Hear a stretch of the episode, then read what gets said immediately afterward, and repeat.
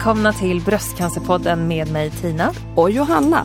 I dagens avsnitt intervjuar vi Ulla-Karin Nyberg, överläkare och forskare som aktivt arbetar som psykiater med bröstcancerpatienter. När vi träffar Ulla-Karin är hennes hår på utväxt från sin egen bröstcancerresa. Vi diskuterar vad man kan göra när man är ledsen, vad man kan säga till någon som är cancersjuk och mycket, mycket annat. Välkomna!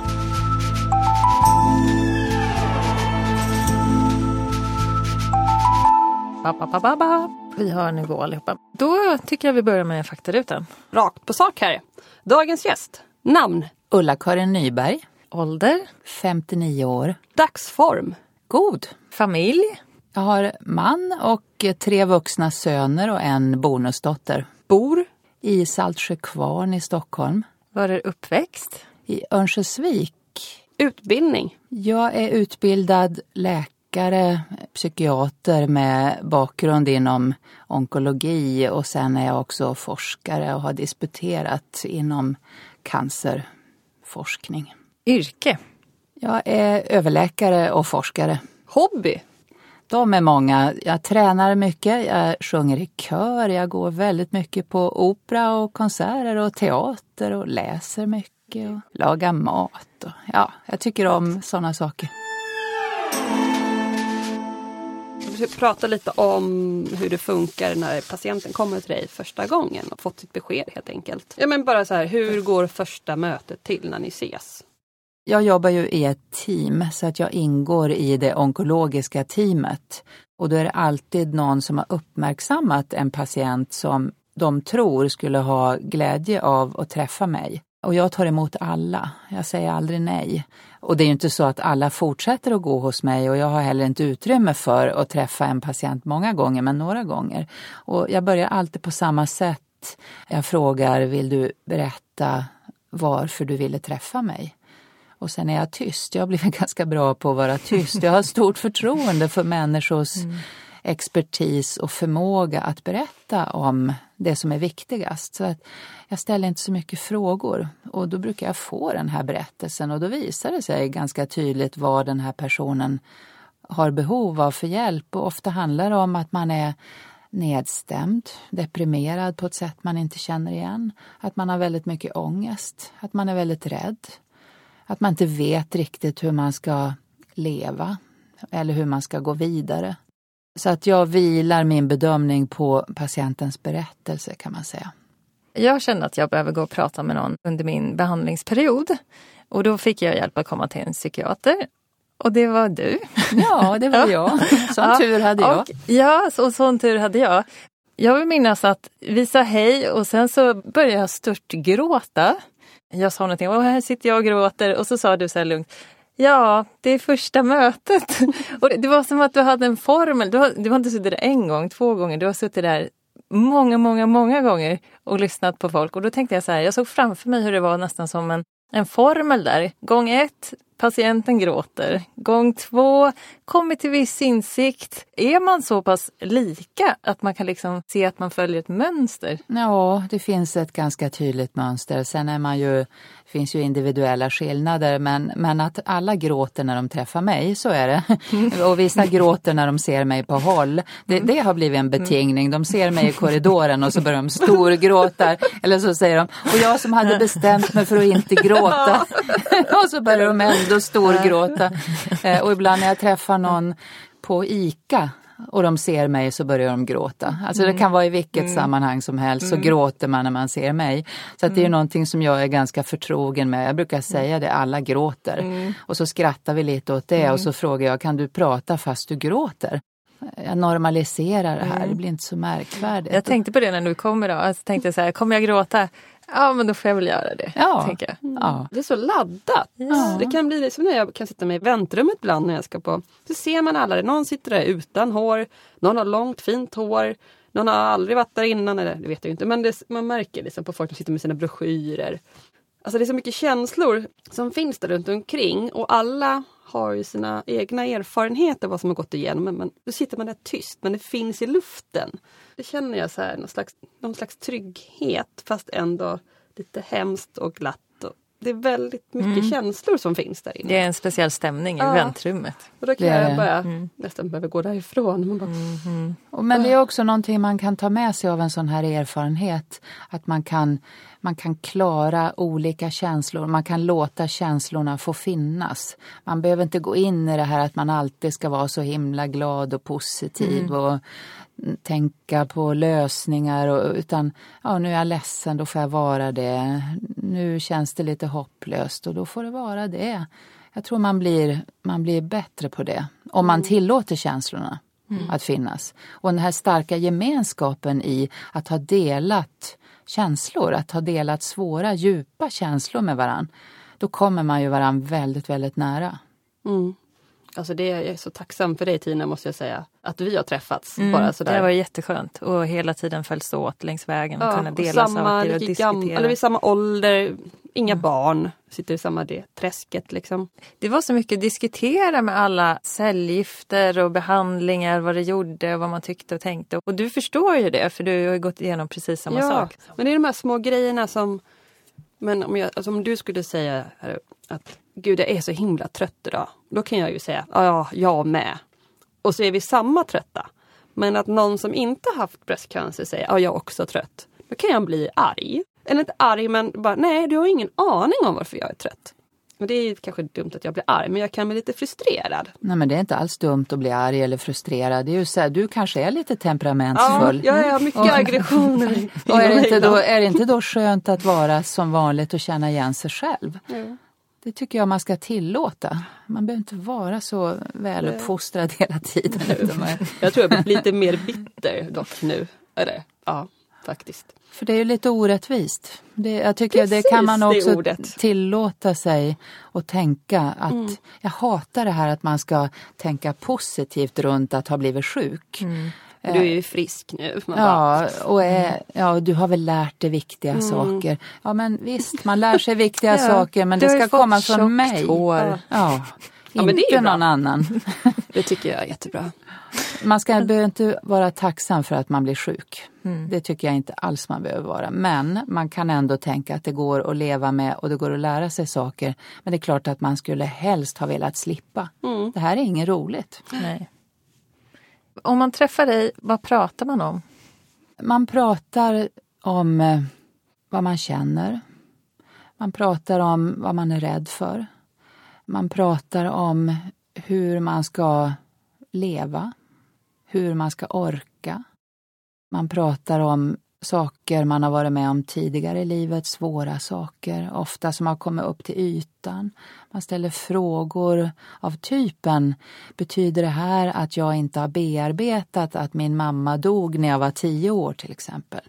Eh, Och det betyder ju inte alls utan man blir lite försvagad inåt när man drabbas av svår sjukdom. Så att saker kommer upp till ytan. Så att man kan väl, om man ska sammanfatta vad jag gör så hjälper jag människor att hitta tillbaka till en logisk berättelse som jag kan leva med. Och också att förstå sina egna reaktioner. För det är viktigt att förstå sina egna reaktioner. Så att man inte varje gång man reagerar tänker varför blir det så här? Varför gör jag så här? Jag borde göra på något annat sätt. Utan acceptans för att ja, det är jag. Jag förstår varför det är så här. Sen kanske man kan välja att ändra på vissa beteenden om man vill det. Men det är liksom inte målet när man kommer till mig att man ska förändra en massa utan man ska förstå lite mer och respektera sig själv. Finns det liksom olika verktyg som du använder? Typ som att du ska sätta post-it-lappar och säga att du är fin. Det har Ja. jag fått till exempel Ja. någon gång. Ja. Att man ska att du duger som du är och hela det här. många sådana verktyg. Vardagsrutiner är jag ju en varm förespråkare av. Så att bara det att hjälpa människor att förstå att man kan inte må bra om man är vaken hela nätterna, om man aldrig går ut, om man inte unnar sig någonting roligt, om man inte pratar med någon, om man sitter hemma och gråter hela tiden. Att komma vidare finns en del verktyg för att komma vidare. Men framför allt att acceptera det som är just nu och tänka att negativa känslor är också en del av mig som förtjänar min respekt. Alltså vi måste respektera våra egna reaktioner. inte se på oss själva som ett stort förbättringsprojekt. Eh, För det blir så kravfyllt, det orkar man inte. Det finns ingen människa som orkar det. Finns det något praktiskt om man är hemma och är ledsen och går igenom det här? Finns det någonting, någon metod man skulle kunna använda? Ja, eh, jag tycker just att lära sig känna igen att nu är jag ledsen, nu behöver jag gråta. Då gör jag det. Men jag kan inte gråta hur länge som helst utan man kan faktiskt bestämma, jag får gråta en timme. Men sen går jag ut och tänker på någonting annat. Eller jag vill inte titta på mig själv i spegeln för jag tycker inte om det jag ser. Men jag gör det i alla fall. Därför att den som möter mig i spegeln är en person som jag behöver lära känna och respektera på sikt. Det finns en del sådana där konkreta, att man tar, man accepterar men sen tar man också kontroll över sig själv igen. I grund och botten är du onkolog. Vad var det som fick dig att eh, arbeta som onkolog? Ja, jag ville bli psykiater och började inom psykiatrin. Men sen tyckte jag att man på den tiden bara brydde sig om det själsliga och att många psykiatrer då hade glömt kroppen och jag ville bli riktig läkare så att då tänkte jag var ägnar man sig åt hela människan, både kropp och själ. På så vis kom jag in i onkologin. Du började som psykiater. Ja, Varför valde du att bli psykiater? Ja, men sen upptäckte jag när jag jobbade på Radiumhemmet, cancersjukhuset här i Stockholm, att Eh, det jag egentligen var bra på, det var att prata med patienter om sånt som andra läkare kanske inte pratade så mycket om. Det var ofta så att överläkaren gick sin rond och pratade om behandling och sen gick jag efter och hade min egen lilla rond och då berättade patienterna för mig vad de egentligen tänkte på, vad de var rädda för, hur de såg på framtiden, vad de tänkte om döden, sådana saker. Då Eh, var du ju helt naturlig i den Ja, rollen jag redan. var nog Mm. det. Jag hade lätt för att lyssna och då tänkte jag vem som helst kan, kan kanske bli en duktig onkolog. Men det här att kunna prata om de här sakerna, Mm. det vågar inte alla. Så då valde jag att jobba just med den delen av onkologi. Det som kallas för psykosocial onkologi. Och sen kom jag ju in på självmordsförebyggande arbete och det är ju det jag ägnar mig åt idag. Nästan helt och hållet. Men du träffar fortfarande bröstcancerpatienter Ja, jag gör det Eh, som- en gång i veckan en gång i veckan. på Capio bröstcentrum. För jag Okej. tycker det är så otroligt roligt. När tycker du att man borde gå till en psykiatriker? Är det liksom direkt eller alltså efter, jag menar, man fått sitt bröstcancerbesked? Borde alla göra det? Nej, det tycker jag inte. Alla behöver inte kontakt med en psykiater. Jag träffar inte de patienter som hamnar i kris eller som reagerar psykologiskt på ett helt förväntat sätt. För det är klart man blir ledsen och rädd när man får diagnosen. Utan jag träffar ju dem där det finns andra saker som krånglar till det hela. Till exempel att man har tidigare erfarenheter som är svåra eller att man har ångest eller att man blir deprimerad. Så att jag tycker alla ska prata med någon, men det behöver inte vara en psykiater. Utan man kan prata med sin kontaktsjuksköterska, man kan prata med en kurator, man kan prata med någon man litar på i sitt nätverk. För, för, hur vet man själv hur illa det här där än det är? Liksom? Det är en väldigt bra fråga för att det vet man inte och det ska man inte heller behöva veta utan det, det är för oss professionella att avgöra och hjälpa patienterna att hitta rätt vårdnivå. Så att känner jag att jag vill träffa en psykiater då ska jag be om det. Och sen kan jag som psykiater tala om för dig att jag tror inte att det är psykiatrisk hjälp du behöver utan kanske ska du istället prata med en kurator till exempel. Så att det är aldrig fel att söka hjälp men vi i vården måste vara duktiga på att skilja upp vad man behöver hjälp med och vem som kan ge den hjälpen på bästa sätt. Och när, när vet man att man ska söka hjälp?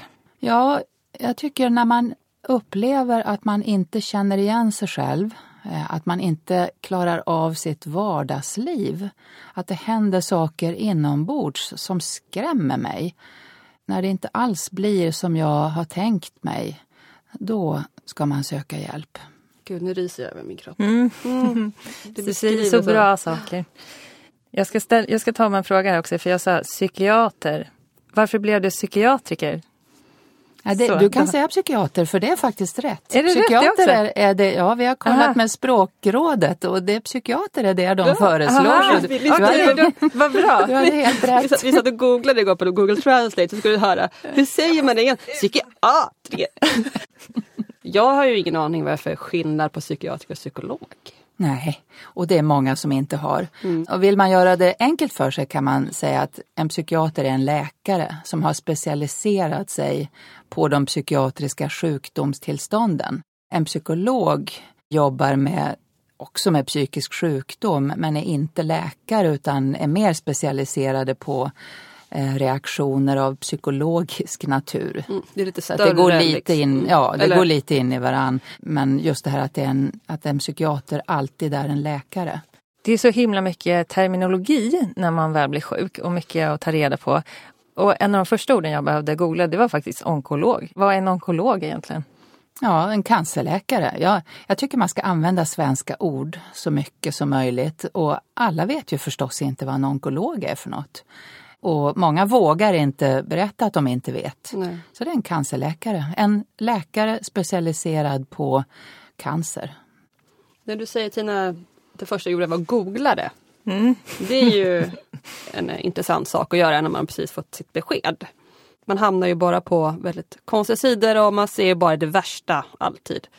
Det jag saknade i början när jag fick mitt besked att jag fick ingen information. Har du något tips på hur man ska tänka liksom när man får sitt besked? Kan man sätta Google-förbud? Ja, jag tycker det där är en fråga man ska diskutera och sen är vi alla olika som individer och kunskap ger för det mesta en viss trygghet. Sen gäller det att man får kunskap lite i taget och vid rätt tillfälle. Jag tycker många i vården informerar för mycket och för tidigt. Det är inte så att man kanske vill veta allt på en gång och det är ganska enkelt att ställa den frågan till sina patienter. Jag har ju själv haft bröstcancer och jag minns att min eh, kirurg sa, hur mycket vill du veta? Och då svarade jag, jag vill veta allt. Och då tog hon upp en lista där hon hade tio punkter och så gick hon igenom dem. Och jag hade kunnat säga stopp på punkt nummer fem. Och det var ett väldigt bra sätt för mig. Men att vi kan fråga, hur mycket vill du veta nu? Hur mycket tror du att du kan ta in? Är du en sån som brukar googla? Det frågar jag ofta. Och då får jag ju svaret, jo, jo men det gör jag. Och då kan jag ge tips på några bra sidor som man kan söka sig till. Och så kan jag avråda ifrån att man bara går ut och googlar fritt. För då, precis som du säger, då hamnar man i i knät på någon som kanske i värsta fall är på väg att dö i sin cancer. Det, så kan det ju vara. Vissa lägger ut allt. Det finns jättemycket där ute och det finns väldigt mycket negativt. Ja, När man har en väldigt negativ upplevelse, det är kanske då man vill exponera sig utåt och det kan göra att man får fel bild också. ja Hur det är att visst. gå igenom en cancerbehandling. Och det är jättesvårt att stänga av när man väl har börjat läsa. Jag stoppar ju huvudet i sanden. Jag vill ju inte veta någonting. Jag ville bara klara av alla behandlingar och det. Men klart jag googlade men jag fick ju Google-förbud. För då mådde jag mycket bättre. Hemskt. Medan, jag vet du Tina, hur jätte, du ville ju kolla upp, du kunde ju alla lä- grejer. Jag, jag började kollade- läsa allt möjligt. Det var Ja. mitt sätt att ta mig igenom Ja. det också. Att söka information och förstå vad är det jag ska ta beslut om egentligen. Och då vill jag ha fakta. Så för mig var det jätteviktigt att kunna hitta fakta. Ja, det är så olika. Och det, igen, det är vår uppgift, vi som professionella, att få en uppfattning om vem är det jag har framför mig och sen är det vi som ska anpassa oss efter våra patienter och inte tvärtom. Det är inte patienten som ska anpassa sig efter läkaren. Har du själv behövt söka information? Eller har du fått information via sjukvården? Ja, när man är läkare själv eller vårdutbildad är det ganska vanligt att man får lite mindre information därför att alla utgår ifrån att det här kan väl du redan. Jaha, ingen personalförmån sådär. Nej, ja, ja, personalförmånen är ju att jag har fått så oerhört gott omhändertagande. Ja. Men det här med information har ibland varit lite si och så. Så att jag har tagit reda på lagom mycket själv. Jag bestämde mig tidigt för vilket förhållningssätt jag skulle ha. Jag bestämde mig för att jag ska vara patient när jag är i sjukvården och när jag lämnar sjukhuset då ska jag vara mig själv och mitt professionella jag och, som priva- och privatperson. Så att jag blandade inte de rollerna, det var ganska skönt. Så att jag bestämde mig för att lita på dem som tar hand om mig. Jag har inte varit en sån här som har haft synpunkter på allting utan jag har sagt ja det där kan du bäst. Och sen har jag ställt frågor när jag har behövt. Och jag tänker även om du har arbetat som onkolog så det händer ju saker hela tiden Ja. och det kommer nya saker och man behöver ju uppdateras. Ja, jag är ju inte alls uppdaterad på det senaste. Det har ju hänt massor. När upptäckte du själv att du fått bröstcancer? Hur gick det till? Ja, jag, jag kände en knöl och jag får knölar i brösten hela tiden och det är ju ganska vanligt att det är så och de har alltid varit ofarliga. Så att jag vet egentligen inte varför jag sökte just den här gången för jag är inte bra på att gå till läkare. Aj, aj, aj. Ja, jag är inte alls, jag är inte alls bra på det men den här gången gick jag och det var ingenting. Eh, Det är såna här cystor, vätskefyllda blåsor som jag har Ja. och det var vad det var. Det Men sen var det, ja, De suger ut dem. Ja, de suger ut dem och det har de gjort massor med gånger på mig. Men då var det en, en kollega som var väldigt, väldigt noggrann så att hon tog, det syntes ingenting på mammografi eh, och hon tog vävnadsprover, alltså inte bara den här sprutan, fin, den här fina nålen. Utan Den hon tog tjockare nålen. den tjockare Ja. nålen.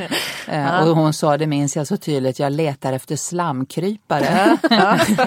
och, då vis- och då visade det sig att det var cancer. Oj. Så att jag, och den var snabbväxande så att jag tycker att jag har haft en otrolig tur för det hade ju kunnat bli så att jag väntade länge. Mm. Ju tidigare ju bättre. Ja, men det är värt faktiskt att trycka på det att känner man en knöl i sitt bröst, det är inte ofta man kan säga att man alltid ska göra si eller så.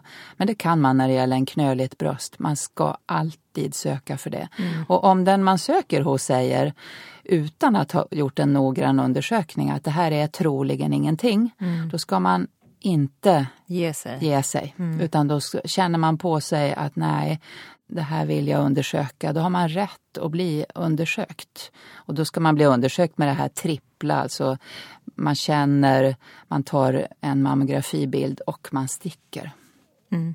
Så att det är en rättighet man har som patient. Och då går man till en vårdcentral först. Då går man ofta till en vårdcentral eller om man råkar bo någonstans där det finns, till exempel i Stockholm, så kan man, det finns ju bröstcancermottagningar dit man får kom, kan få komma utan remiss och få komma väldigt fort. Men många går ju via vårdcentralen. Mm. Det tyckte jag var lite jobbigt faktiskt för att jag, jag gick till vårdcentralen först. Och de sa att antagligen bara var körtlar. För det var bara hårt liksom och det var ingen så här specifik knöl. Så sa hon till mig att men vi kan skicka en remiss om du vill och så får du hem den och så till eh, bröstcentrum. Och så får du välja om du vill gå dit sen eller inte för att det kommer antagligen försvinna för det kanske bara är så mensen eller ägglossning och sånt där som gör att brösten blir lite svullna. Och så fick jag kallelse så jag gick ju dit. Som tur var. Och så kollade de och så tyckte de att "Nej, men det ser inte så konstigt ut. Det är bara liksom en liten hopknölad knöl liksom. Med massa, vad säger man, körtlar. Benväv Körtlar. Ja men exakt. Ja. Problemet där sen, eftersom jag gick till vårdcentralen. Då får ju de svaret. Det var ju inte bröstcentrum som ringde till mig utan det var vårdcentralen som ringde till mig. Då får man ju ett samtal där de säger att vi vet att du kommer in. Då vet, då vet man ju. Man, tror, man är fortfarande förnekelse väldigt länge. Den paniken, där, för man kom dit så fick man snacka med någon och berätta att ja, du har fått bröstcancer. Jag fick ingen mer information alls om det. Utan det var bara att, aha, okej, cancer. Ska jag dö nu? Ska jag dö imorgon? Ska jag inte dö? Sen så fick jag vänta en vecka tills jag kom till bröstcentrum. Men den veckan däremellan, Det var- där det var lång skulle jag vilja komma till dig på en gång. Det var helt, det var helt sjukt. ja. Du har kanske, inte för att det bättre för dig att få besked, men jag menar, du har ändå jobbat med det och vet kanske hur man ska tackla saker. Hur... Åh gud, jag blir helt där. skakig när jag pratar om det. Men det, det där är också så viktigt för det är många som beskriver samma sak. Att man blir övergiven. Man får ett väldigt laddat besked. Cancer oavsett prognos gör att man tänker död. Det gör Ja, alla. men det, mm. Eh, Och så ska man vänta en vecka och ingenting händer. Det är inte bra, det ska inte bli ett sånt glapp utan man har faktiskt rätt att få veta mer när man väl har fått sin diagnos. Mm. Det är därför jag tänkte det var bra om man kom direkt till bröstcentrum. Ja. Så fort jag kom dit, de var så här, nej men det här, det fixar vi, det här är lugnt. Och de var glada och direkt så kände jag så här, jaha, men gud vad skönt, då blir man ju lite, lite gladare. Och det där tycker jag också som patient att man har rättigheter, att man kan säga. För det är svårt för vården att gissa sig till Ja, saker och absolut. ting. Man kan säga, och ofta är vi ju så försiktiga. Man Mm. vill inte ställa krav. Det ligger i vår natur, de flesta av oss. Men att man kan säga, jag orkar inte gå och vänta i en vecka. Mm. Jag måste få veta lite mer. Nu får ni ordna det. Mm. Så tydlig tycker jag att man ska vara. Och då kommer det här som, som du frågade om, när ska man söka psykiater? Ja, man ska inte behöva söka psykiater därför att man reagerar helt normalt. Det är helt normalt att bli rädd, att inte kunna sova, att känna sig jättestressad och orolig. Men man ska inte behöva gå med det en hel vecka innan man får besked. Nej, du behöver ju snarare besked. Vad, är- vad Ja, är det som händer? Är det här exakt. farligt? Vad är det som händer? Jag tror mer att det kanske att det var en vanlig läkare som jag träffade som inte Ja. var specialist. Alltså, hon kan säkert massa grejer men just bröstcancer. Jag fick liksom inte ens en papper. Alltså man vill ju bara stå så här, så här går det till. Eller för mig hade jag funkat om jag hade fått en lista. Typ, eller bara någonting. Men tänk att om hon hade sagt till dig Ja. att det är väldigt god prognos. eh, De allra flesta blir friska. Det finns jättebra behandling. Du kan gå in och läsa på 1177 eller på Bröstcancerfonden. Eh, Och jag finns här och svarar på frågor. Då hade Då det varit hade det lite varit en helt annan sak. Jag bara gick ut, åkte bara därifrån, satte oss i bilen och åkte hem. Det man märkte var att ju mer information jag fick, som jag inte googlade på utan som jag fick professionellt, desto lugnare blev jag. Så varje gång jag fick komma till bröstcentrum, desto mer och mer cool blev jag. Bara, ja men det här, ja och det här. Och så kunde man bli lite mer normal, eller vad man ska kalla sig. All information som man får från rätt källa hjälper otroligt mycket. Ja, det hjälper verkligen mycket. Du som är onkolog i grunden, känner du själv att du har haft nytta av att ha alla de här kunskaperna och ha vetat vilka steg du ska gå igenom? Ja, jättestor nytta har det varit för mig att kunna dels det här rent kroppsliga. Jag har alltid tänkt på bröstcancer som en sjukdom med väldigt god prognos.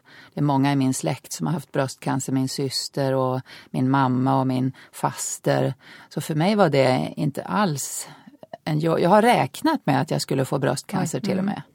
Eh, Och dessutom har jag alltid levt på det sättet att jag har eh, sagt till både mig själv och mina närmaste att vad som helst kan hända när som helst. Man kan inte räkna med någonting egentligen för att imorgon kan allt vara förändrat. Och det hjälpte mig. Så att de psykologiska reaktionerna var jag också beredd på. Så att för mig är det också så att kunskap, lagom mycket kunskap, har hjälpt och gett någon slags struktur och ordning i, i det kaos som man kan kastas in i. För att det du beskriver Johanna, det är ju ett kaos som kommer sig av att du får ett helt oväntat besked och sen har du ingen kunskap att parera kaoset med.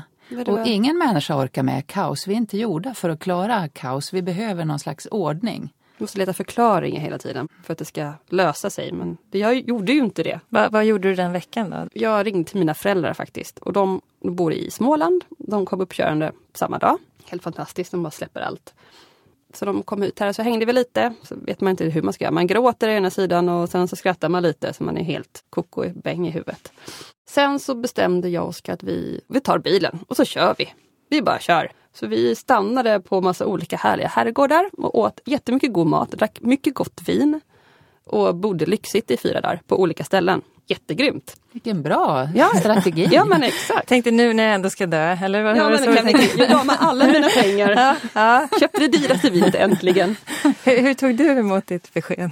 Jag var ganska lugn, eh, ledsen förstås. Jag trodde inte jag skulle behöva eh, cytostatika, cellgifter. Utan eh, det verkade som att jag skulle slippa det men sen när jag fick eh, veta att jag skulle ha cellgifter. För det är klart, de som kommer till mig har nästan alltid problem. Jag ser ju inte de som det går väldigt bra för. Utan jag ser de som har det svårt. Det är de jag jämför med. När jag träffar människor som har fått cytostatika så är det ju ofta de som har haft jättesvåra biverkningar till exempel. Men då är inte jag sån att jag tänker att så där kommer det att bli för mig utan jag tänker så där kommer det inte att bli för mig. Jag har en ganska positiv eh, livshållning. Jag tror det är ganska vanligt att man tror inte att det ska hända en själv heller. Men det är kanske dina patienter också som får dig att hålla i den här världen, att vad som helst kan hända när som helst. Det är faktiskt någonting att tänka på för alla människor tycker jag. att man ska, Även om det, man kan inte gå och hålla döden i handen varje dag i sitt liv men, men det lönar sig faktiskt att fundera lite grann över sådana här saker. Om, om mitt liv skulle förkortas av sjukdom, eh, vad skulle jag då vilja ha hunnit med. Eller Exakt. om jag fick veta att jag skulle dö i förtid. Mm. Finns det någonting jag skulle ångra? Att, att våga ställa de frågorna så att man kan prioritera lite bättre också när man är frisk. Många människor stoppar huvudet i sanden när det gäller det här. Mm. Men det är jättebra som du säger för att alla de grejerna, jag har faktiskt gjort ganska många grejer som jag kanske inte skulle ha gjort annars. Men det är ju hemskt att det ska hända någonting bara för att man ska orka göra det. Så att alla mm. borde lära sig mm. som du säger, tänka typ att men gör det istället för att bara mm. säga att det här var trevligt om man åkte till Italien. Gör det! När jag blir pensionär ska jag. Ja. ja men... inte vanligt att man säger så. När vi har sparat ja. tillräckligt med pengar. Ja. Jag träffar många människor som blir nästan kränkta av livet och säger ja men så här var det ju inte meningen att det skulle bli. Vi, mm. Nu skulle vi uppfylla våra drömmar. Mm. Men sjukdom inträffar ju. Hur man än lever så kan man bli sjuk. Mm. Har du eh, fått någon uppenbarelse att du ska göra nu? Eller du har levt ditt liv perfekt från innan? Nej, absolut inte. Jag är ingen perfekt människa. Jag får, jag får många upplevelser varje dag och framförallt för mig har det varit det här med vardagen. Att eh, det har hjälpt mig otroligt mycket att fortsätta med min vardag, med mina rutiner. Har man bra rutiner, jag har till exempel tränat jättemycket, det har varit mitt sätt att klara av det här eftersom jag har jobbat samtidigt. Jag klarade inte att gå hemma. Mm. Det passade inte mig, mm. utan jag har jobbat hela tiden. Men att behålla min vardag, då kan man skruva ner den till ett minimum, men den ger en sån stabilitet. Liksom kliva upp på morgonen, morgonen göra saker man tycker om, äta regelbundet, träffa dem man tycker om. Ja, sådana saker. Man, det är som att man lurar kroppen och huvudet lite grann genom att göra som vanligt. Mm. För efter en stund känns det som vanligt. Jag gick till kören fast mm. jag egentligen inte orkade. Gjorde du det under behandlingen ja, hela tiden? hela tiden. Ja. Jag, mm. jag gick och tränade och gick och sjöng och jobbade.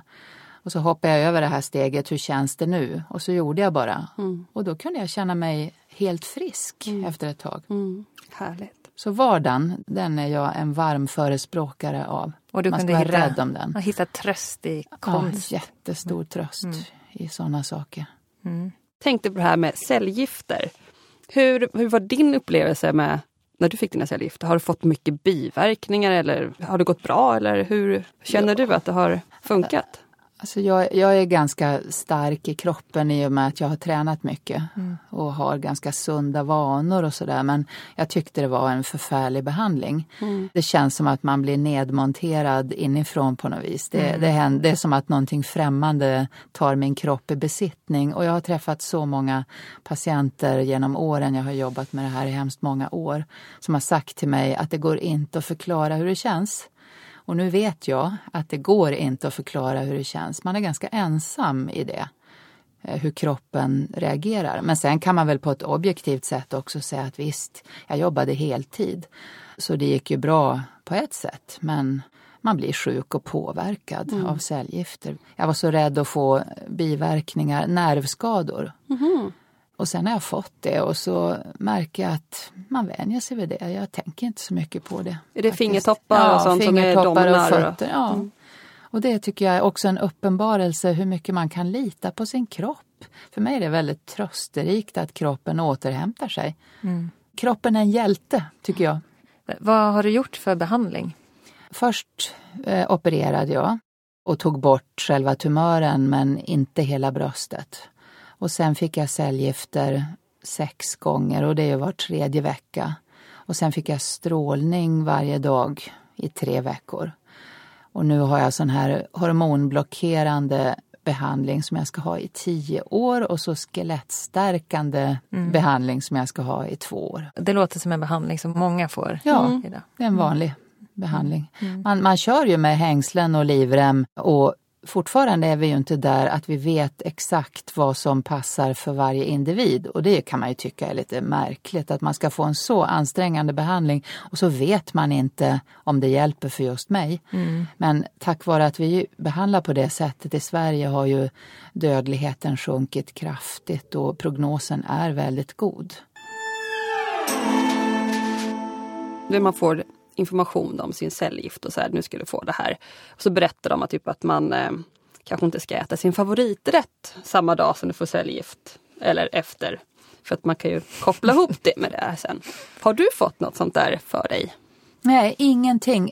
Vi var så otroligt dumma. Ja, efter första cellgiftsbehandlingen, då gick jag och min man iväg glada i hågen och då var jag troligen lite hög av allt kortison man får. Och där, där kan man se, jag har så mycket kunskaper och ändå gjorde jag någonting så dumt som att gå på en lunchrestaurang och äta tonfisk som jag älskar och dessutom drack jag ett glas vin. Och sen blev jag ju så sjuk. så det, var, det var riktigt dumt gjort. Men jag kan faktiskt äta tonfisk idag. Jag har inte mm. fått några sådana betingningar utan jag lagar mat och det gjorde jag också under hela, det var också sånt som kom in i mina rutiner. Jag lagade mat, jag gjorde som vanligt, jag åt fast det inte var så gott. Så att det, det har inte varit något problem. Så du kunde äta vanlig mat, du var inte sugen på specifik mat heller? Under alltså jag var eller? sugen på nyttiga saker, det tror jag har med träningen att göra. Det var rätt så märkligt. Jag var bara sugen på mjölk och broccoli och frukt och grönsaker, sådana saker var jag sugen på. Ingenting onyttigt, inte fett, inte socker. Men jag åt väldigt ordentligt. Det är helt, jag var ju bara sugen på hamburgare, pommes, alltså bara så här bakfyllemat. Alltså efter cellgift, det var nästan som man kände sig som att man var bakis i en vecka för man mådde illa. Ja, det är en bra jämförelse ja. tycker jag. Ja. Men det är så Utan olika. fyllan helt enkelt. Ja, tråkigt. Jag var inte speciellt hungrig men man åt bara för att man behövde mat. Precis. Och sen andra veckan så mådde man okej igen. När du säger ja. också, jag kommer att tänka på det. Jag åt en falafel en gång efter en cellgiftsbehandling och jag kan inte gå tillbaka till det stället för jag, jag mår illa om jag tänker på den. Det är så konstigt. Mm. Efter min första cellgiftbehandling. Då skulle vi boka tid, det var nere och testade peruker. Och sen dess, jag har aldrig haft på min peruk. Tänker på min peruk, jag vet precis var den ligger i garderoben. Då mår jag, får jag det här cellgift uh, illamående i halsen. Ja, det är så kraftfulla mekanismer det där alltså. med doft och smak och synintryck. Och ju fler sinnen man aktiverar eh, desto kraftfullare effekt blir det. Så att om det är både smak, och känsel mm. och hörsel och synintryck. Mm. Då kan det bli väldigt kraftfullt. Man borde passa på att bara trycka i sig allt onyttigt under tiden man får cellgift. Då kanske man blir Fast det testade vi när min syster fick bröstcancer. Hon var, hon var 32. Mm. Det är ovanligt. Det är bara 5% av all bröstcancer som drabbar kvinnor under 40 år.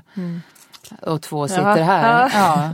Men min syster var 32 och då hon älskade smågodis mm. och vi testade det där. Mm. Eh, så att när hon hade fått eh, cytostatika så åt hon en påse smågodis och hoppades att hon skulle förlora smaken för det. Eh, men så blev det inte för att då är de här belöningssystemen mycket kraftfullare så tyvärr så kommer man tillbaka till, till det. Mm. men, men har, har de testat er för ärftlig cancer? Ja. Mm. Det gick jättefort, jag fick svar nästan direkt och vi har inte Nej. ärftlig cancer med den här, de här kända generna men ja. det är klart eftersom det är så många i min familj så visst finns det någon ärftlighet. Det måste det göra för jag har inga andra riskfaktorer av de man känner till. Jag fick barn tidigt, jag mm. ammade jättelänge, jag har inte ätit hormoner. Mm. Jag har alltid tränat, jag har inte mm. varit överviktig, ja, allt mm. det där som, som kan bidra. Jag känner igen det där och ändå sitter vi här idag. Ändå sitter vi här idag. Ja. Och det, där kommer det här med kaos in. Att man kommer aldrig att kunna få en förklaring mm. att det här hände dig därför att. Utan det är många faktorer eh, som spelar roll och det, man får försöka acceptera det, tror jag. Mm. Att saker händer. Mm. Och det är inte mitt fel och det är inte säkert att jag hade kunnat göra något för att förhindra. Men däremot så kan jag ju göra väldigt mycket för att leva så bra som det går när det väl har hänt. Där har jag en fråga bara. Liksom att leva så gott som det går för att man inte ska få tillbaks det. Så här, Man, eh, man läser ju mycket. Vad man får äta eller hur man ska leva och vad som är bra. Jag har jättesvårt, alltså även om jag har ändrat mina matvanor. Äter, äter väldigt nyttigt i veckorna, sen på helgen så äter jag vad jag vill och tar ett glas vin. Det kan jag göra mitt i veckan också. Men jag får ju själv sätta en gräns på vad jag tycker är normalt, eller hur? Och det är Vad det som är bra? svårt. Ja, vad är egentligen bra? Ja, Ja. för att om jag mår bra av att få dricka mitt glas vin och äta en nybakt macka med jättemycket smör på någon gång, så måste jag ju kunna få göra det än att bara äta bara nyttig mat och aldrig göra någonting kul, som jag tycker är kul. Då. Är jag dålig då för någon annan är jätteduktig men jag är inte. Alltså du vet det är så himla svårt Ja. och om jag kunde få tillbaka cancern, var det bara för att jag tog den här mackan då? Men du vet, det är mind, lite mindfuck där ibland. Ja, Gör man rätt? Mm. Gör man rätt, ja. Och, och just det här att man, man ska bli så duktig och så jämför man sig med alla andra och rätt vad det är har man slutat leva därför att man är så rädd för allting och varje gång man öppnar munnen och stoppar in någonting ska man tänka på vad innehåller det här? Trots att vi inte vet att kost påverkar cancer på det sättet. Det går inte att säga att om du slutar äta socker så får du inte cancer. Man kan få det i alla fall. Så att jag tror den här balansen att unna sig saker, det är en stor del i det som gör livet värt att leva. Vi kan ju inte leva för att undvika att bli sjuka. Det, det tycker jag inte är tillräckligt livsmål. Eh, utan man ska unna sig och sen kan man vara duktig ibland på ett sätt som känns bra för mig och så ska man inte glömma att berömma sig själv. Fantastiskt nu, har jag tränat två gånger den här veckan. Nu kan jag unna mig den här mackan med mycket smör för att jag har varit så duktig. Så att det, det handlar för mig om, om balansen. Att hitta en bra balans Som är bra för mig. som är bra för mig, i som rätt jag nivå. är nöjd med. Ja, på rätt nivå. Jag kan inte jämföra mig själv. Jag har tränat hela mitt liv och tyck, för mig är det väldigt lätt att träna. Och det finns forskning nu som visar vilka positiva effekter det har. Men jag skulle ju aldrig drömma om att säga till en av mina patienter att du borde börja träna högintensivt på det sätt som jag gör. Utan det gäller att hitta rätt nivå. Om jag kan hjälpa en patient att börja promenera fem dagar i veckan i 20 minuter så är ju det ett jättestort framsteg för den personen. Och då kan man lyssna i våran podd i öronen. Mm. Ja, det kan Under tiden man är ute man. och Ja, går. 20 Vilket minuter. bra Ja. förslag. Ja. Då kan väl lyssna på den tre gånger om det är en timme. Det ja, men det bra. viktiga är väl att må bra. Och stress kan ju leda till att man blir sjuk. Så Ja. det viktiga är väl att må bra och Ja. anpassa det till sig själv. Och fundera själv över vad som är viktigt i mitt liv och vad, vad vill jag fylla mitt liv med? Vill jag vara en sån som späker mig och alltid tänker på det som är farligt? Man förändras ju inte i sin personlighet bara för att man blir sjuk. Är det någonting efter upplevelsen som du känner att du vill förändra i ditt liv? Ja, jag har ju tänkt väldigt mycket på det här med arbetsmängd. Jag tycker hemskt mycket om mitt jobb och jag jobbar ju med att förebygga självmord och man kan säga att jag jobbar med det allra svåraste. Så att jag har jobbat väldigt mycket, kanske lite för mycket, inte alls känt mig nära utmattning eller så men jag har insett att det kanske inte är rimligt att fortsätta att jobba på det sättet hur länge som helst. Jag tränar mig lite grann på att säga nej ibland. När du själv blir sjuk, blir det att du får prata om det eller hamnar du automatiskt i den här rollen som får sitta och lyssna? Ja, annan? ja, det var en sak jag bestämde mig för. Därför att det är klart att jag ofta hamnar i rollen av att lyssna. Eh, Och jag förstår ofta olika reaktioner. Folk, och det vet ju ni, kan bete sig ganska konstigt när man blir sjuk. Det är lite oförutsägbart vem som ska visa sig kunna hantera det här på ett bra sätt och vem som bara blir rädd och beter sig konstigt. Men jag bestämde mig för att det finns alltid en god vilja i botten även när man gör någonting konstigt. Till exempel ringer och, och berättar om en kompis som har dött i bröstcancer. Jag kan undra varför gör man det? Men, men sen tänker jag att det är väl ändå bättre än, det är bättre att ta kontakt än att inte göra det. Så att det bestämde jag mig för. Men sen bestämde jag mig också för att nu är det inte min uppgift att förklara för de här personerna varför de har svårt att hantera det här. Jag kanske förstår det, men det får de ta hand om själv. För jag har nog med mitt. Och det var lite nytt för mig att tänka så. Att nu tänker jag på mig själv och hur det känns för mig. Och så får de ta hand om sitt. Det har varit nyttigt. Har du märkt att omgivningen har betett sig på ett annorlunda sätt? Vissa har gjort det, andra har inte alls gjort det och det har varit väldigt skönt med dem som inte har gjort det, till exempel i kören. Man kommer dit, man deltar i ett sammanhang, man gör som vanligt. Alla har samma målsättning, nämligen att sjunga så bra som möjligt. Och sen kan, kan någon lägga en hand på min axel bara och säga, hur är det? Och så kan jag säga sådär. Eller jag kan till och med sitta och gråta en stund. Eh, Och det spelar liksom ingen roll, utan det får vara så. All, och det tror jag också ni kan känna igen. Ja. De sammanhang där det får vara precis som det är. Utan att någon är där och försöker ändra på det. Ja. Utan jag får vara ledsen just nu, jag får vara trött. Det är okej. Men man märkte verkligen att omgivningen reagerar på så himla olika sätt. Jag vet, vissa blev ju väldigt så här, åh nej men hur är det, och ska krama och så blev ännu mer, mer intensiv. Och vissa blev tvärtom, att man gick bort och vågade inte fråga. För man visste inte vad man skulle säga, jag tror det var därför. Och vissa blev väldigt upptagna av att berätta om sitt eget fantastiska liv och hur underbart det känns för mig just nu. Eh, och det är ju inte kanske det man behöver höra när man själv mår väldigt dåligt.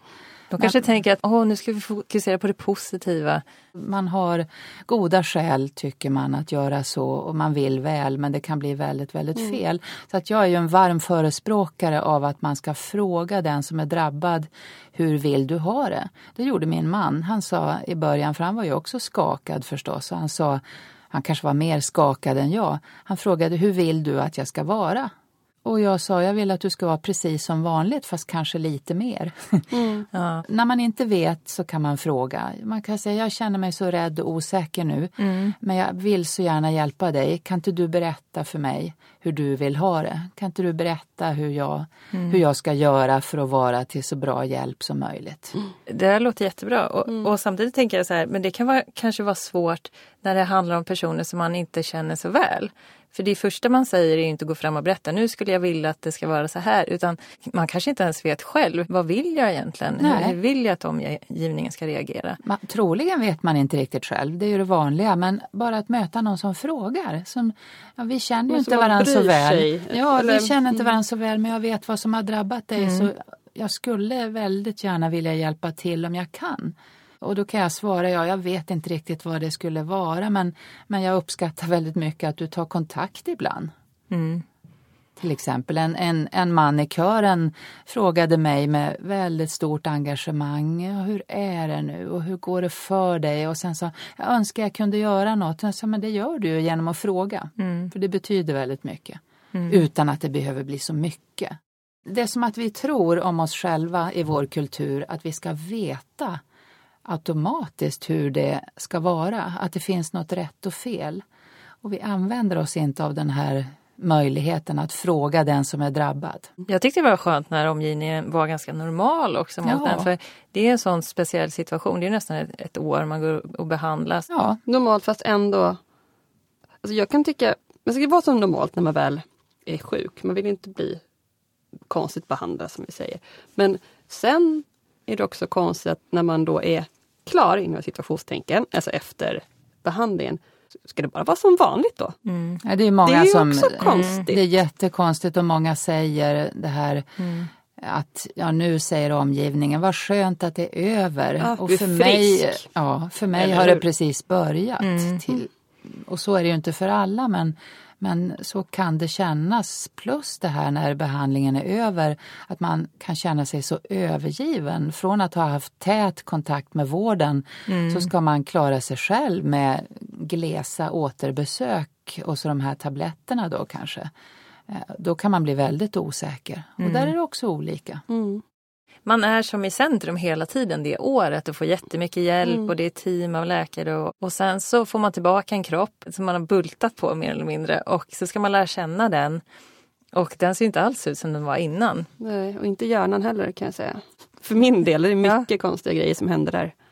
Ha koll på allting och men mycket grejer som har ändrats. som Man måste Ja. på något vis acceptera.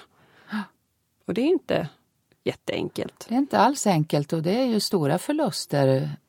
Och det här med hjärnan, Eh, Det finns ju ett begrepp som heter chemo brain, alltså hur hjärnan påverkas av cytostatika och vissa får ju väldigt svåra problem och andra inte. Men att lära känna sig själv och sin kropp på nytt, det är ju en svår process och kan ta lång tid.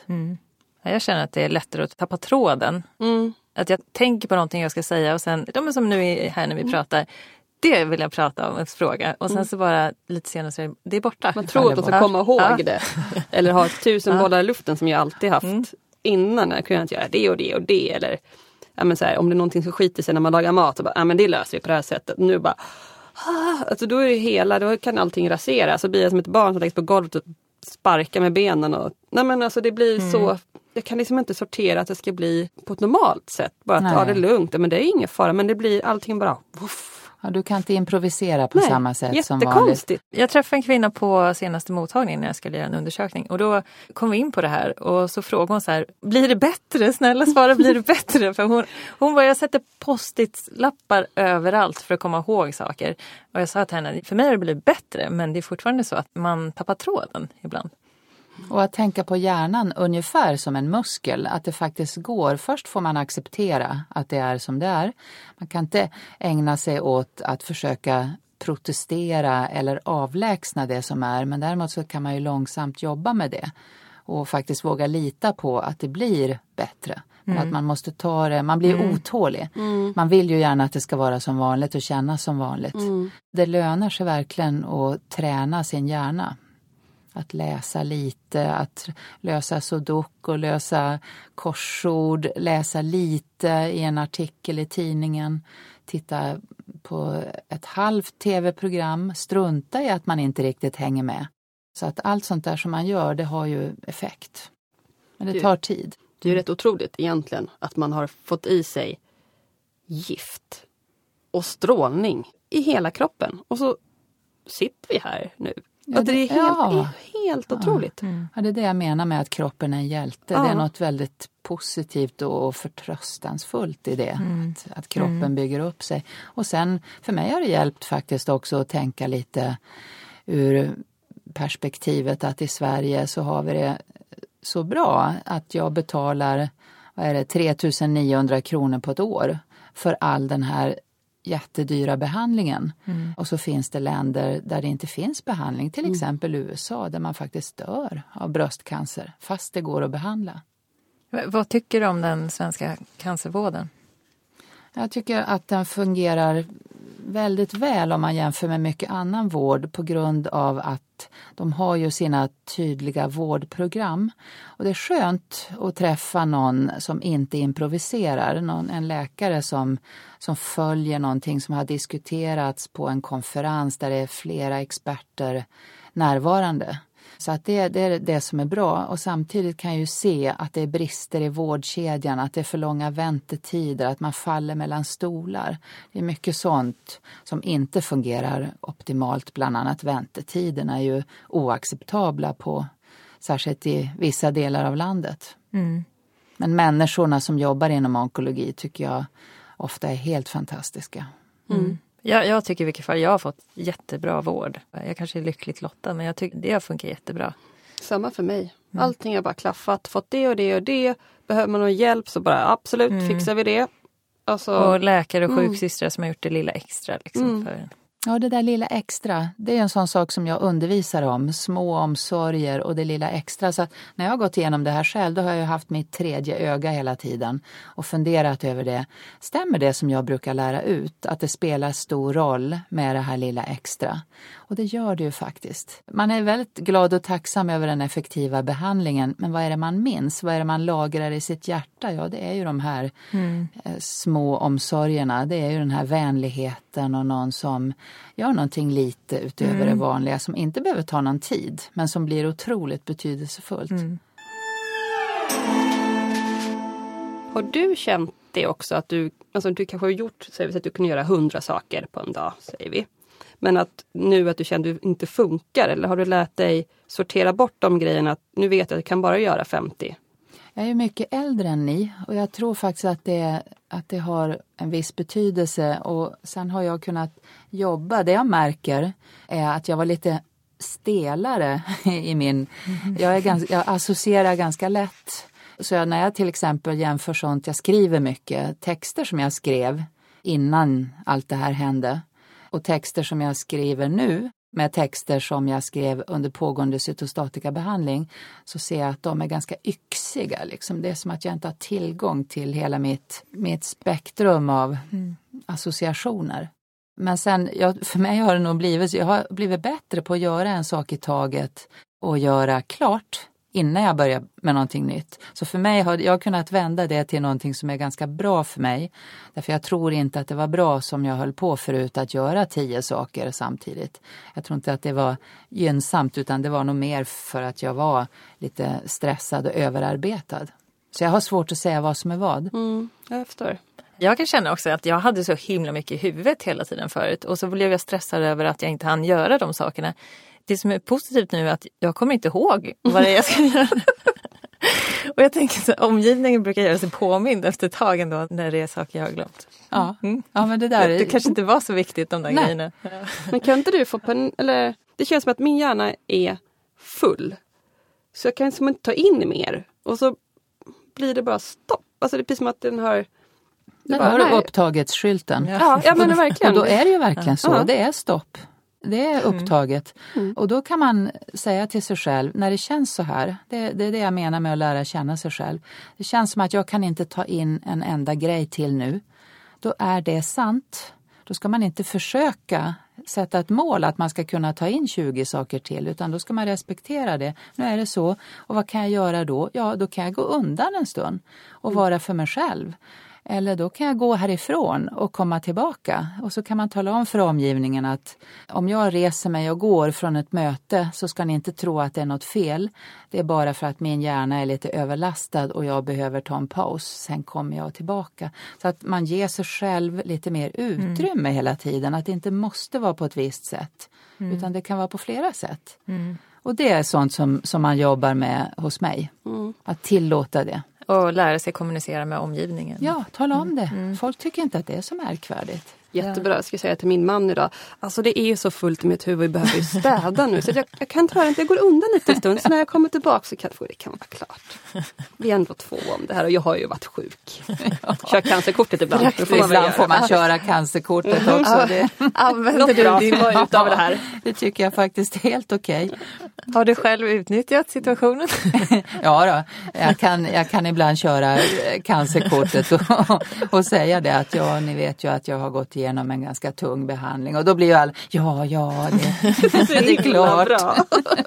det är jättehemskt men, man, men faktiskt ja. måste kunna få Ja, men jag tänker, också, jag tänker också att mina läkare så, de har hela tiden varit positiva. Vad gör man, hur tänker man om man inte har en positiv prognos? Ja, jag tycker det är en sak att vara positiv när det finns anledning att vara positiv. Eh, det är en helt annan sak att vara positiv när det inte finns anledning till det. Och då, måste man ju, då tycker jag man ska tänka mer i termer av balans. Eh, att det finns det som är svårt och som vi inte riktigt vet just nu. För att ha fått cancer handlar ju också om att leva med en viss osäkerhet. Ingen kan ju garantera att det blir på ett visst sätt. Det är sannolikheter mm. vi pratar om.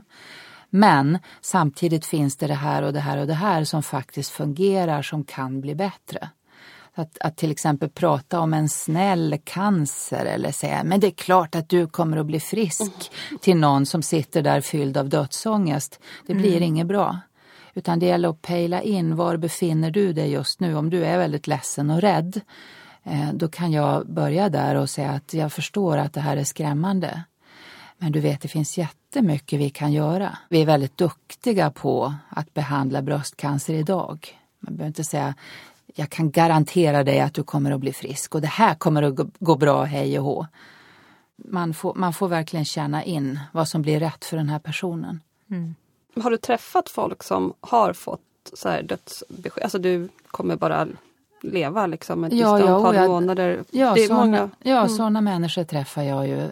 Men jag pratade med mina kollegor helt nyligen om att förr när man jobbade med bröstcancer då var det ju många som dog. Alltså då följde man sina patienter in i döden och nu är det ju faktiskt väldigt ovanligt. De mm. flesta mm. om de inte blir friska så, så blir cancern mer av en kronisk sjukdom som man kan leva med väldigt länge och väl. Så att det är stor skillnad. Men visst, jag träffar ju människor som där man vet att sjukdom kommer att förkorta ditt liv. Där det har blivit spridning. Ja, och sprider sig till hjärna, lungor. Ja, och då gäller det ju för mig att inte backa för det. Jag måste ju tåla att patienten reagerar på det som har hänt. Det får inte vara mina reaktioner utan jag får vänta in. För man kan behöva tänka, det kan ta tid innan man kan låta det sjunka in. Att det här kommer att av, eller förkorta mitt liv, troligen. Det går inte ens att tänka sånt. Nej, vilka- Nej, det går inte. Nej, det går inte. Tar du med dig sånt hem? Vädrar. Ja, jag tänker att du jobbar med så himla mycket död. Jag jobbar ju bara med död faktiskt. Och, och, eh, och därför, ja, egentligen är jag ganska ointresserad av döden. Jag tänker nästan aldrig på det själv. Jag är väldigt ointresserad av vad som händer efter döden. Betyder väldigt- det att du är ointresserad av ditt arbete? nej, nej, och det, jag, och jag anser ju att jobbar man med döden då måste man ha fokus på livet. Det var någon klok person som sa en dag ska vi dö, alla andra dagar lever vi. Så brukar det jag tänka. bra. Ja, det är väldigt bra. Och, så jag tar inte hem jag tar inte hem någon dysterhet så att jag känner mig tyngd. Utan jag har ju lärt mig tekniker för att lägga ifrån mig sorgen. Eh, Och sen går jag in i min vardag. Och den är inte sorglig. Faktiskt inte ens när jag själv är sjuk. Det har inte varit så, eller har varit sjuk. Det har inte varit så, så hemskt mycket sorg i det utan mer ja, acceptans. För så, så blev det. Jag har svårt att förstå om jag är frisk eller inte. Med tanke på att man går på efterbehandling och man, man vet inte, det kan finnas kvar några celler i kroppen och därför får man den här efterbehandlingen. När blir man frisk egentligen? Ja, det, det är ju det där paradoxala med bröstcancer också att egentligen så är man ju frisk när man har opererat bort tumören. Men sen får man en jätteansträngande efterbehandling för säkerhets skull som man blir sjuk av. Alltså hur ska man få ihop det i sitt huvud att man blir sjuk av behandlingen medan när man har cancern i sin kropp då känner man sig ju helt frisk. Ja. Eller hur? Visst Ja, är en- alltså, ja, jag, har inte mått, jag, har inte, jag har inte mått dåligt en enda dag av cancern. Det är ju alla behandlingar man mår dåligt av. ja. Det är väldigt eh, tvärtom-tänk. Ja, det är tvärtom. Och man kan förstå det kanske rationellt men förstå det känslomässigt, det är väldigt svårt. Det är där igen, orättvisan som kommer in. kan vi ta Ja. ett annat avsnitt om. Ja, det kan man ha. Och orättvisa, jag brukar tänka så här, tänk om det vore rättvist då? Hur skulle, vad skulle det betyda? Skulle- Det skulle betyda att Ja. om jag blir sjuk, då, är det mitt, då har jag gjort någonting för att förtjäna det. Karma heter det. Karma. Och det tycker, jag, det tycker jag skulle vara värre. Ja det är faktiskt sant. Det är bra, du har alltid bra vändningar på allting. Jag tänka, det är så psykiatriker funkar. Ja, det jag. gör- precis, hon det är kör så. sin grej på oss nu. Det är så Oj, vi oj, gör. oj. Ja. Kan du köra din grej på dig själv? Eh, Jag försöker. Det är ju mycket svårare alltid. Men jag, jag har en dialog med mig själv. Jag tänker ofta på vad jag brukar säga till mina patienter. Jag försöker säga samma sak till mig själv. Jag lyckas någon gång, långt ifrån alltid. Eh, Men jag betraktar mig själv och jag tänker mycket på hur vill jag vara? Om, jag nu, om jag nu skulle dö av det här, hur vill jag bli ihågkommen? Hur vill jag använda den tid jag har? Alltså jag tror jag kanske tänker ett steg längre därför att jag inte är särskilt rädd. För det kan jag ärligt säga att jag har inte alls varit rädd. Jag är rädd, jag, jag är rädd för att lämna mina närmaste, mina barn och min man. Men inte för egen del är jag faktiskt inte alls rädd. Hur är självkänslan Ulla-Karin? Min självkänsla är, är nog god faktiskt.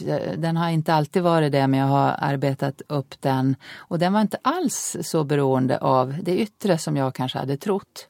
Att tappa håret för mig var till exempel helt oviktigt. Jag satt jag var med i tv på Ekdal och Ekdal och jag hade tänkt att eh, jag, jag kan tappa håret när som helst men inte på tisdag för då ska jag vara med i Ekdal och Ekdal. Och så vaknar jag på morgonen med, med kudden full med hår. Och sen i taxin på väg till tv så, så liksom börjar håret falla. Så att jag satt där i tv med och tänkte, klarar de att mitt hår faller av i direktsändning? ja. Och sen när jag kom hem då låg jag vid toaletten och bara drog av det alltihop. Mm, mm. Och det tyckte jag inte alls var jobbigt. Konstigt. Mm. mm. Men sen fanns det då annat. Jag tyckte det var mycket jobbigare att tappa ögonbrynen. Ja, det är ju det som är mycket personlighet. Alltså man, mm. man ser ju konstig ut utan ögonbryn. Mm. Eller jag. Ja, och ögonfrans, att det är ja. mycket skit som ramlar i ögonen. Ja. Tänkt, ja. Nu förstår man deras grej, varför man har det. Man bara, ah. Jag tyckte jag såg ut som ett marsvin med liksom rött runt. Det, det tyckte jag var ganska jobbigt. Jag, jag tappade allt hår utom ögonbrynen och ögonfransarna. Ja, det är lyx alltså. Det var ju snygg hela tiden. Fast man lärde sig sminka sig väldigt bra. Ja, jag gjorde värsta det, snygga ögonbryn. Det var ju det kul. Var... Man köpte så här, man, man unnar sig mycket nu. Ja, Eller jag gör det i alla fall. Ja. Men jag tror jag behöver den här dyra ansiktskrämen för att ja. uh, det är bra mm. för mig. Är cancer en kamp? Har du själv kämpat? Jag tycker inte om det där med kamp och krigsmetaforer. Att man ska vinna kriget mot cancer och kämpa. För det förutsätter på något sätt att det går att förlora mm. och då är det som att det hänger på mig. Mm. Jag tycker att det är ett arbete man gör och ibland orkar man mer och ibland orkar man mindre. Men inte, inte direkt en kamp, fast man kan ju också, vad har man för val? Mm. Valet är att lägga sig ner och ge upp. Mm. Jag fick ofta det här, kämpa Tina, ja, kämpa. Fick, fick och jag, jag, vet inte riktigt vad jag ska göra då. Men, Nej. Va, ja, bara, ja. jag tar i nu. ja, jag har en vårdplan här. ja. Ja, men det är, väl, det är väl hålla modet uppe och sen att man kanske inte vet vad man ska säga heller. Ja, det blir lite så. Mm. Just det där, jag har ju faktiskt inget val.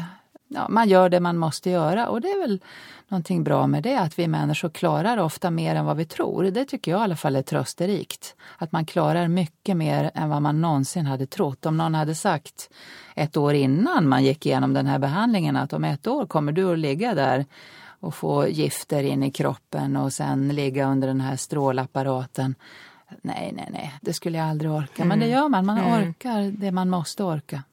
Och sen så successivt så blir det ett steg i taget. Nej. Först får man veta det här, så tar man ett steg och sen händer nästa. Och sen vet man hur det kommer att kännas och det är också en tröst för de flesta att veta första veckan mår jag jättedåligt, andra veckan mår jag bättre, tredje veckan mår jag riktigt bra. Det blir någon slags ordning i det. Mm. Men det var också sjukt psykiskt för mig att fjärde veckan, ja då är det om igen. Ja, ska man igen. Alltså du vet om att du blir sjuk. Det är samma sak som att få influensa ungefär samma känsla när man får cellgifterna. För min del var det så i alla fall. Men om du skulle få influensa en helt vanlig dag, då är det ja, ja, jag fick influensa. Men nu vet du att imorgon bitti klockan sju, då ska du få influensa. Vad skulle du vilja säga till andra som går igenom bröstcancer? Bara sådär generellt. Ska vi formulera om den? Nej, men jag skulle vilja säga att bröstcancer är en svår och jobbig sjukdom att få. Vi är olika, vi har olika behov. Man ska försöka ta reda på vad man själv har för behov och man ska söka hjälp för att få de behoven tillfredsställda. Man ska inte gå ensam igenom det här och man ska absolut inte tänka att det är mitt fel att det har blivit så här.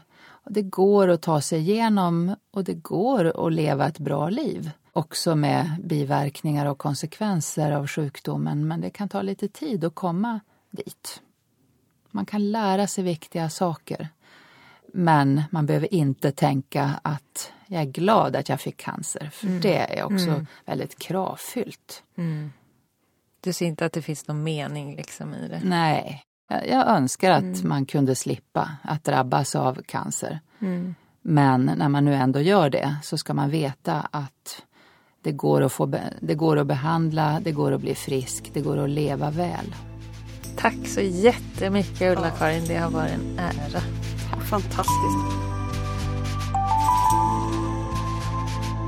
Vilken gäst! Vill man fördjupa sig ytterligare i Ulla-Karin Nybergs engagemang, denna aktiva kvinna, kan man antingen läsa hennes böcker, hon är också inspirationsföreläsare, vi rekommenderar varmt att man går in och lyssnar på hennes egen podcast Inferno. En podcast om suicid. Tack och hej!